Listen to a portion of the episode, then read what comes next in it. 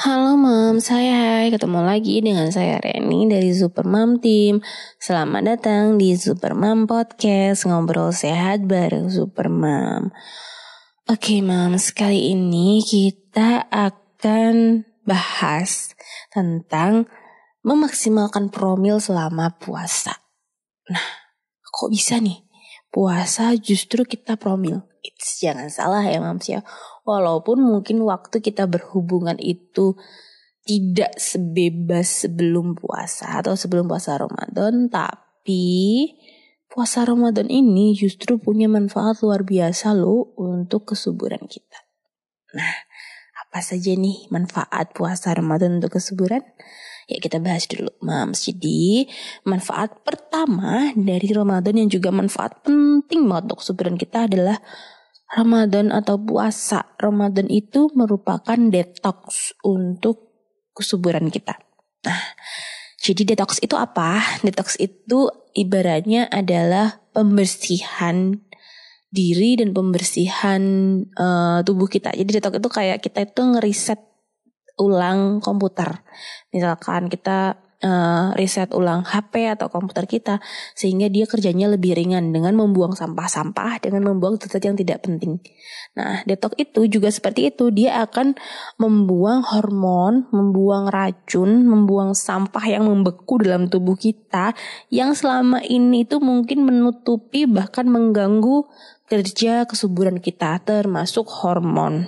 Jadi dengan detox diharapkan tubuh kita ini lebih refresh, lebih enteng kerjanya sehingga lebih baik dalam uh, mengatur hormonnya seperti itu. Nah, jadi uh, intermittent fasting atau puasa Ramadan ini termasuk dalam intermittent fasting ya Mams ya. Intermittent fasting ini sudah diteliti oleh banyak kalangan bahwa memang intermittent fasting merupakan uh, apa ya salah satu program detox terbaik itu karena intermittent fasting itu kita puasa dalam jangka waktu tertentu dalam beberapa lama seperti itu. Jadi kayak puasa Ramadan itu termasuk intermittent fasting.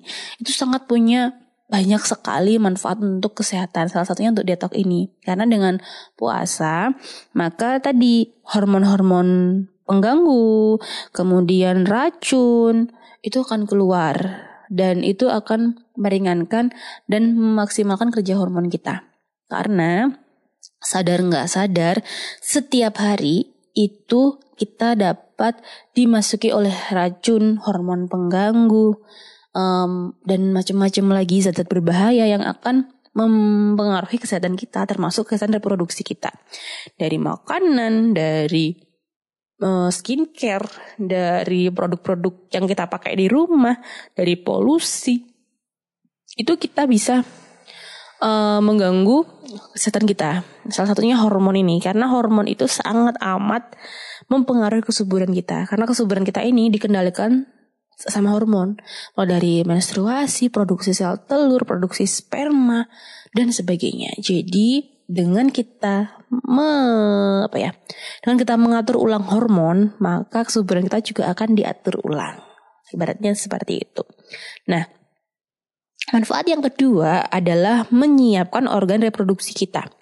Jadi selama puasa ini sebenarnya tubuh kita ini diberi kesempatan untuk meredakan peradangan gitu. Karena kan makanan yang kita makan ini enggak selalu dia ini bawanya nutrisi to kadang ada makanan-makanan yang kita makan ini dapat membawa peradangan. Jadi sel tubuh kita ini akan terluka secara nggak kita sadari. Dengan cara apa? Banyak banget. Misalkan kita makan gula, kita makan gorengan, kita makan makanan yang berbahan pengawet, yang berperasa buatan, berwarna uh, buatan dan sebagainya. Itu akan membuat sel tubuh kita ini luka-luka, mams. Nah, karena itu uh, puasa ini dapat digunakan sebagai sarana tubuh kita untuk memperbaiki diri. Salah satunya adalah memperbaiki organ reproduksi kita. Dan puasa ini jelas akan mempengaruhi yang namanya gula darah kita. Jadi buat penderita PCOS, puasa ini yuk dijadikan momentum untuk menstabilkan gula darah, otomatis akan menstabilkan hormon dan dapat meningkatkan kualitas sel telurnya supaya siap untuk dibuahi. Nah, manfaat yang terakhir adalah sebagai booster sperma dan sel telur. Jadi puasa ini akan menyeimbangkan hormon kita tadi kan, jelaskan menyeimbangkan hormon. Sehingga sel telur kita dan sperma ini akan diproduksi dengan lebih baik lagi.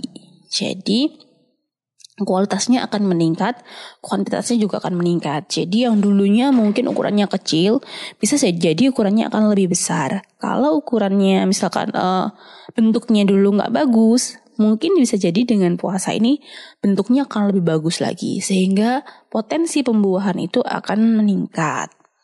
Nah itu jadi manfaat puasa di tiga tadi sebagai detox, menyiapkan organ reproduksi dan booster uh, sel telur dan sperma kita. Nah, untuk mendapatkan manfaat itu tidak sembarangan. Jadi kita harus punya tips bagaimana memaksimalkan puasa ini untuk mendapatkan manfaat itu, Moms.